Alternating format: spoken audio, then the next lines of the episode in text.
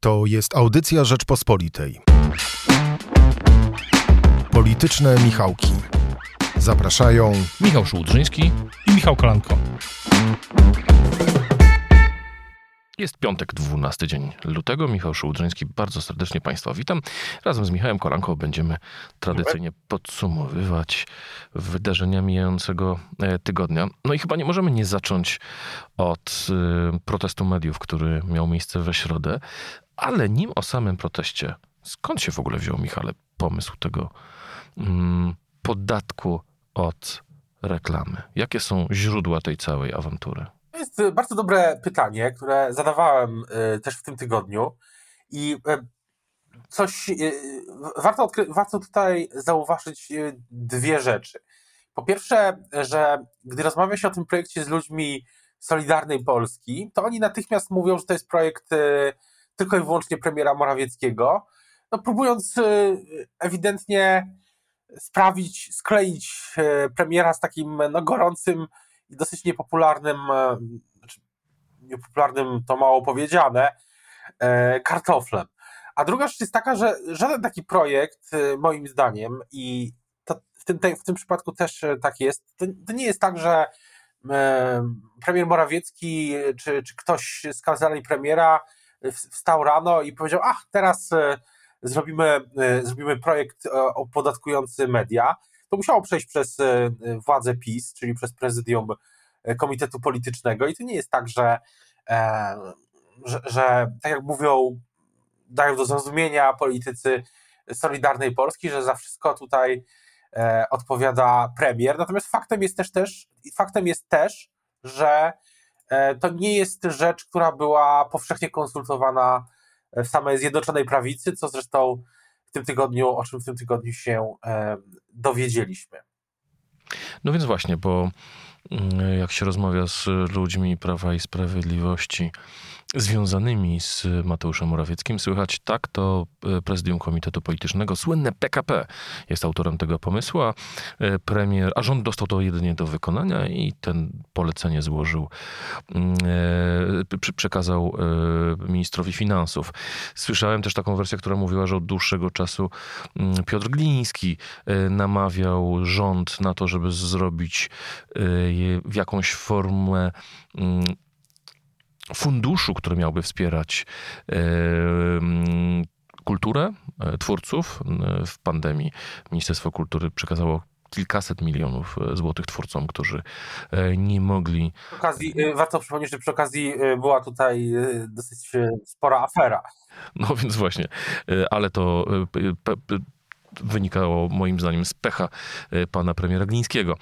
E, a rzeczywiście, jak się rozmawia z politykami e, związanymi z Solidarnej Polski, oni wskazują na Mateusza Morawieckiego, czyli tak jak mówiłeś, to jest ten gorący kartofel. Teraz, teraz ewidentnie to jest gorący kartofel, ale jeszcze jest jedna rzecz, bo myślę, myślę że, że warto na chwilę jeszcze wrócić do samego projektu, bo na, na mhm. Twitterze było sporo takich ciekawych analiz, wątków, które, które pokazywały że to, tak naprawdę, to, to są tak naprawdę dwa projekty e, w jednym. To znaczy jest ten podatek od e, reklam, od, od Big Techu, tak byśmy go w skrócie e, nazwali i ten podatek, gdyby, była, gdyby to było tak, że premier Morawiecki przedstawiłby tylko to, to myślę, że nawet część opozycji by poparła ten, ten projekt. Mówię tu o lewicy, która takie pomysły może nie dokładnie takie, ale idące w kierunku opodatkowania większego wielonarodowych korporacji, no już wielokrotnie y,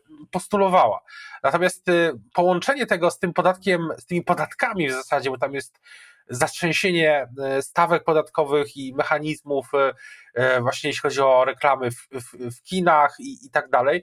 No to... Dodajmy, że dzisiaj na pierwszej stronie Rzeczpospolitej piszemy, że dotyczy to również strojów piłkarskich. Dotyczyć to może również wyświetlanych na stadionach reklam, jak również gazetek reklamowych, supermarketów i sieci dyskontów spożywczych, czyli tak naprawdę jest to totalne opodatkowanie reklamy. I właśnie to jest ten drugi komponent tego projektu i wydaje się, że, że ktoś czy tam w, na Nowogrodzkiej po prostu spięto dwa pomysły w jeden. E, I, i, i powstał, powstał taki, mm, no nazwijmy to Frankenstein. Jeszcze jest trzecia część, a mianowicie to na to te pieniądze mają iść. Przypomnijmy, 50% na Narodowy Fundusz Zdrowia. No kto by mógł krytykować podatek, który idzie na walkę z COVID-em? Ale tu się pojawia dalej niespodzianka, 15% ochrona zabytków i 35% specjalny fundusz e, w dyspozycji ministra kultury narodowej na inicjatywy medialne. Te narodowe, patriotyczne i uniezależniające Polskę e, od e, zagranicznych platform internetowych. No i właśnie tutaj widać, e, do kogo prowadzą tropy. I, ale też e, przyznam szczerze, że nie bardzo nie podoba mi się to, jak Prawo i Sprawiedliwość e, też czasami w tym tygodniu, bo było wiele różnych argumentów za tym. Najpowszechniejszy był ten oczywiście, który słyszeliśmy już dziesiątki, nawet setki razy, że no, skoro we Francji albo w Niemczech tak jest, to dlaczego opozycja, czy w ogóle te straszne, złe media nas krytykują za to, że chcemy, żeby było jak na Zachodzie. To jest argument, który przyznaj, słyszałeś też już naprawdę setki razy, na przykład, zwłaszcza przy, przy okazji zmian e, w sądownictwie. Natomiast e, nie podoba mi się to i uważam, że no właśnie to jest też pewnego rodzaju moralny szantaż. No bo rzeczywiście jest tak, że politycy PiS mówią, no jak to te wredne, straszne media nie chcą dać pieniędzy, czy oddać. Chcą się dzielić milionami milionami na, e, na pandemię. I to jest, to jest pewnego rodzaju no jednak moralny e, szantaż. Natomiast. E, może po prostu, a może po prostu PiS wyciągnął wnioski z tego, co działo się w marcu zeszłego roku, gdy chciano przyznać 2 miliardy złotych mediom publicznym, a opozycja zgłosiła poprawkę, mówiąc: Nie, przekażmy te 2 miliardy na onkologię, y, bo przecież trzeba leczyć Polaków i co jesteście tacy źli, że wolicie te pieniądze dać y, na media publiczne zamiast na onkologię, no to teraz odpowiada y, Prawo i Sprawiedliwość pięknym za nadobne. Może tak być. Tamten pomysł opozycji chyba jako pierwszy wpadł na to Kośniak-Kamysz i PSL jest, był dobrym pomysłem, jednym z, z kilku dobrych pomysłów opozycji w ostatnich miesiącach czy, czy ostatnich ostatnim czasie po, po wyborach do Sejmu. Więc e, wracając jeszcze na chwilę... Wracając... Też był, ale też był szantażem moralnym. Też, tylko że w drugą, e, w stronę. W drugą stronę. Natomiast e, tutaj PiS rzeczywiście symetrycznie trochę odpowiedział. Natomiast nie ma wątpliwości, że, no, że, mm, że w Zjednoczonej Prawicy też nie ma jedności. To, to już widzimy. To żadna, żadna niespodzianka. I wydaje się, że ten projekt y, może po prostu, jak zwrócił uwagę niedawno, y, niedawno relatywnie do chwili nagrywania naszej rozmowy, Marcin Makowski z Wirtualnej Polski, że ten podatek od mediów podzieli los piątki dla zwierząt i może rzeczywiście mm, tak być. Natomiast y, tak jak rozmawialiśmy, no, sprawa jest dużo bardziej skomplikowana niż to, co próbują przedstawić w mediach E, ludzie mm, e, niechętni e, premierowi, zwłaszcza, że Solidarna Polska ma mm, swój projekt dotyczący Big Techu, który no, budzi też spore kontrowersje i który w tym tygodniu, którym w tym tygodniu chyba też stało się jasne po wypowiedzi pana rzecznika Müllera, który stwierdził, że te projekty mm, krajowe są nieskuteczne, że, że ten projekt też nie wyjdzie w ogóle, nie wyjdzie w ogóle z, z kancelarii premiera.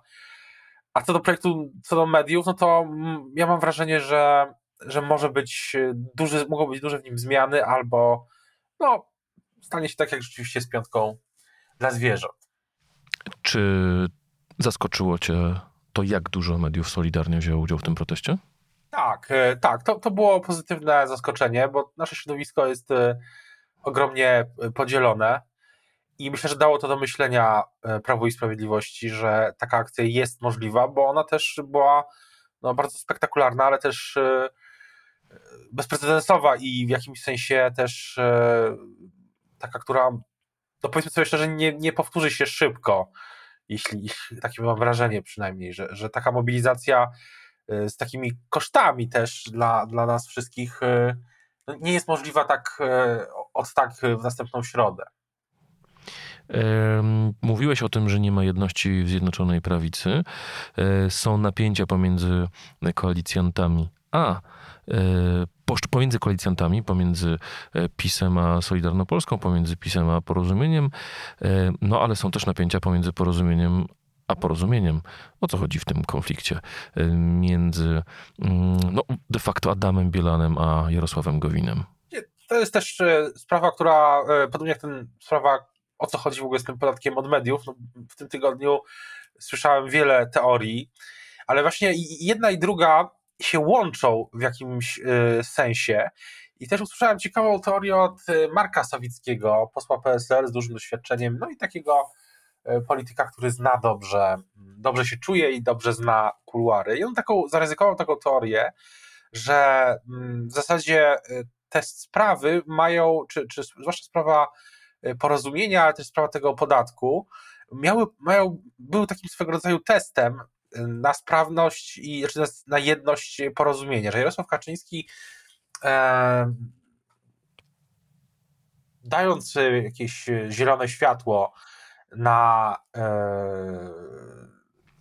na tą eskalację sytuacji wewnętrznej, mógł, mógł mieć taki cel, żeby sprawdzić, jak wygląda realnie układ sił w porozumieniu, ile, ile szabel ma Jarosław Gowin. Tak samo będzie, jeśli ten podatek od mediów trafi w końcu do Sejmu, no bo na razie mamy deklarację polityków porozumienia, a od deklaracji do głosowania jeszcze nie jest tak wcale, nie ma tak wcale krótkiej drogi, więc może być tak, że to są po prostu testy, dla samego porozumienia. Oczywiście no bardzo kosztowne też wewnętrznie i zewnętrznie, ale jednak, który, których Jarosław Kaczyński sprawdza, a może na przykład e, Jarosław Gowin miałby tak mało szabel, że można by je zastąpić na przykład e, posłami Kukiz 15.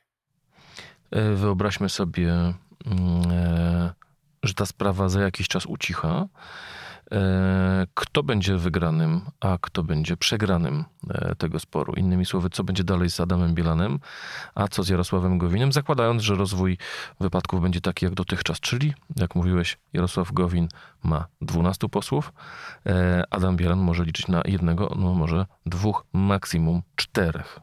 No myślę, że w pewnym momencie jednak dojdzie, czy w sprawie podatku od reklam, czy w jakiejś innej sprawie, E, będzie kolejny test, to znaczy test, w którym e, partie koalicyjne szerzej, bo też może być taki test wobec e, Solidarnej Polski, zresztą on, też politycy Solidarnej Polski troszeczkę w kuluarach się zaczęli nad tym zastanawiać, że, że będzie taki test i, i wtedy się okaże rzeczywiście ile tych szabel i jak to wygląda, ale jeśli chodzi o takie dłuż, długoterminowe moje przewidywania, no to jest pytanie, czy spełni się ten scenariusz, o którym mówił Michał, y, poseł Michał Wypi, jeden z najbliższych y, y, zwolenników Jarosława Gowida, że on chciałby, żeby, i to jest ważne zdanie, które w tym tygodniu padło, miejmy nadzieję, że rzeczywiście w tym tygodniu, nie w ubiegłym ten czas, ale padło na pewno, że on chciałby, żeby porozumienie było na tyle silnym środowiskiem, żeby mogło wystawić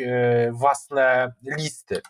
I myślę, że to jest tak, że w porozumieniu rzeczywiście e, dojrzewa taka myśl, że, e, że może być tak, że w 2023 albo wcześniej, jeśli wybory będą wcześniej, ta Zjednoczona Prawica nie będzie wyglądała tak jak teraz, czyli że Jarosław Kaczyński e, renegocjuje, jakby to powiedzieć, umowę koalicyjną, także jej nie będzie.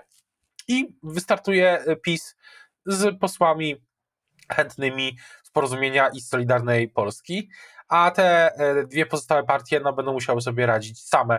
Zresztą e, Michał Wypi to powiedział nawet mocniej w Radiu e, Plus w 8, 8 lutego, że zapewniam, że zrobię wszystko, aby w następnych wyborach parlamentarnych porozumienie wystartowało z własnych list. Tak w poniedziałek powiedział poseł Michał Wypi. Myślę, że to jest ważna deklaracja. Ale to też jest czy Twoim zdaniem nie jest to jakaś próba e, negocjacji z Jarosławem Kaczyńskim? Dlatego, że wiemy, że e, jaki był sens stworzenia Zjednoczonej Prawicy. W rozmaitych sondażach Jarosław Gowin i jego partia nie mogą liczyć na więcej niż 2%. Średnia wyników Solidarnej Polski nie jest dużo wyższa. Zdarzały się sondaże pokazujące mm, przekroczenie progu wyborczego, ale średnia jest raczej znacznie niższa. Więc tu Jarosław Kaczyński działał na zasadzie takiej, byleby mnie nikt nie oskubał e, z tych 2% głosów. Lepiej mieć um, trudnych koalicjantów na pokładzie, którzy nie będą e, odrywali poparcia, bo zobaczmy, że z prawej strony jeszcze będzie Konfederacja, niż pozwolić na to.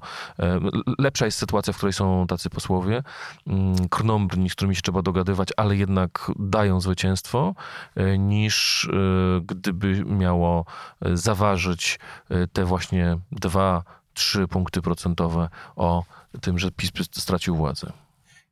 Tak, ale to był projekt, sam mówiłeś, zwycięstwo. Tamten projekt y, Zjednoczonej Prawicy, który powstał e, już e, powstał w 2023 roku, z tego co pamiętam, byłaby dziesiąta rocznica, jeśli Zjednoczona Prawica do tego momentu dotrze, ale to był projekt właśnie na, na zwycięstwo, bo też Jarosław Kaczyński dokonał innych ruchów konsolidacyjnych, tak, e, nazwijmy e, to tak, przed wyborami w 2015 e, roku. A czyli rozumiem, że gdyby Jarosław Kaczyński liczył się z przegraną, woli mieć buntowników poza pokładem, bo jeżeli będzie w opozycji, musi mieć bardzo skonsolidowaną, skonsolidowaną i wierną drużynę, a nie musieć negocjować nieustannie z jakimiś frakcjami? Dokładnie tak. Myślę, że może być taki moment, że Jarosław Kaczyński, który, dla którego ważniejsza, moim zdaniem, najważniejsze jest to, żeby utrzymać spoistość e, obozu PiS, e, może zaryzykować taki właśnie ruch. Zresztą politycy w kuluarach, e, też to pewnie słyszałeś, no, od dawna politycy PiS, Zjednoczonej Prawicy zastanawiają się nad tym, jaki będzie kształt tych wyborów w 2023 roku, w tym sensie, że czy, czy będą szli sami, czy, czy nie.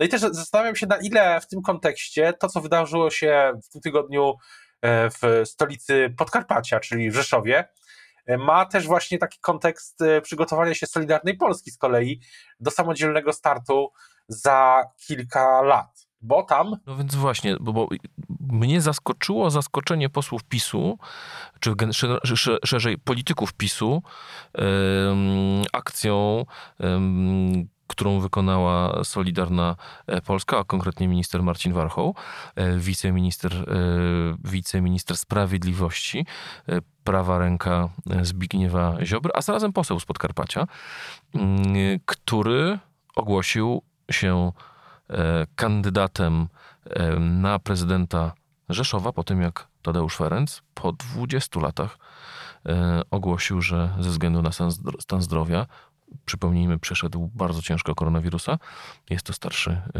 polityk, mm, ogłosił, że zrzeka się funkcji, rezygnuje z funkcji prezydenta miasta i na swojego następcę rekomenduje Marcina Warchoła jako, dodajmy, zabawne, kandydata niezależnego. E, no tak, to jest, e, to jest bardzo ciekawy ruch, bo po pierwsze rzeczywiście, tak jak mówisz, politycy PiS byli zaskoczeni, po drugie to jest e, rzecz, akcja to nie, skoordynowana oczywiście z samą Solidarnej, w samej Solidarnej Polsce, zarząd Solidarnej Polski ten ruch zaakceptował, co więcej też uznał to, o czym mówił sam Marcin Warchoł, że jego partią teraz jest Rzeszów, że on będzie kandydatem niezależnym, bezpartyjnym, jak to nazwiemy, to nie ma wielkiego znaczenia. Ważne jest to, że e, to wydaje się próbą budowy, to wydaje się próbą budowy zaplecza, jeśli by Marcin Warchoł został prezydentem Rzeszowa, jednego z, jednego z miast wojewódzkich oczywiście w Polsce, to byłby jedynym prezydentem z, e, ze Zjednoczonej Prawicy jeszcze zjednoczonej, który był sprawował funkcję prezydenta tak dużego miasta, tak dynamicznie zmieniającego się miasta. Y, pamiętam, jak byłem w Rzeszowie w ubiegłym roku na konwencji Kosiniaka-Kamysza, Władysława Kosiniaka-Kamysza. Przy okazji w piątek polecam w Rzeczpospolitej na stronach internetowych Rzeczpospolitej wywiad z prezesem PSL, o którym, w którym mówimy jego, w którym mówimy właśnie o tym, co dalej z Koalicją Polską i co dalej z PSL-em, jakie są pomysły dla opozycji. Wtedy pamiętam, że, że duże wrażenie zrobiło na mnie to, jak Rzeszów się zmienił i okolice Rzeszowa. E, ja, e, część mojej rodziny pochodzi z Podkarpacia, z okolic Łańcuta, to jest takie, to jest właśnie miasto niedaleko Rzeszowa. I będąc właśnie w Rzeszowie widziałem te zmiany, będąc w całym mieście i widziałem, widziałem zmiany w nim to nie jest przypadkowy ruch, to jest część pewnej strategii. I wydaje się, że teraz PiS ma kłopot, no bo jeśli wystawi kogoś innego, to może być tak, że wtedy w tych też nietypowych wyborach przedterminowych, jeszcze być może w czasie COVID-19, no w maju, nie wiemy jaka będzie wtedy sytuacja epidemiczna, miejmy nadzieję, że, że dużo lepsza, yy, może wtedy przegrać, a jeśli postawi na Marcina Warchoła, no to wtedy mm, Solidarna Polska może mieć prezydenta miasta wojewódzkiego. Przypominam, że do tej pory największym sukcesem w ostatnich latach samorządowym, takim jednostkowym, że tak się wyrażę, Zjednoczonej Prawicy, był sukces e, Jakuba Banaszka w Hełmie, e, który, zresztą Hełm w ogóle czasami mam wrażenie przypomina taki teraz słupsk prawicy, czyli mm, prawica pokazuje, jak może rządzić miastem, tak jak trochę Robert Biedroń pokazywał, jak lewica może rządzić e, miastem, wtedy słupskiem. I to byłby duży to byłaby duża dla Solidarnej Polski duże wzmocnienie. Zapomnieliśmy dzisiaj, a właściwie nie zapomnieliśmy, tylko nie mamy już czasu na rozmowę na temat opozycji. Nadrobimy to e, w przyszłym e, tygodniu, więc teraz już się z Państwem żegnamy.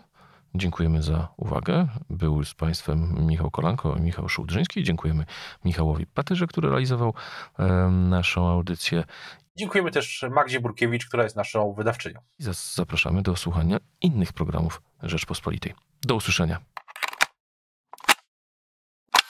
Słuchaj więcej na stronie podcasty.rp.pl. Szukaj Rzeczpospolita Audycje w serwisach streamingowych.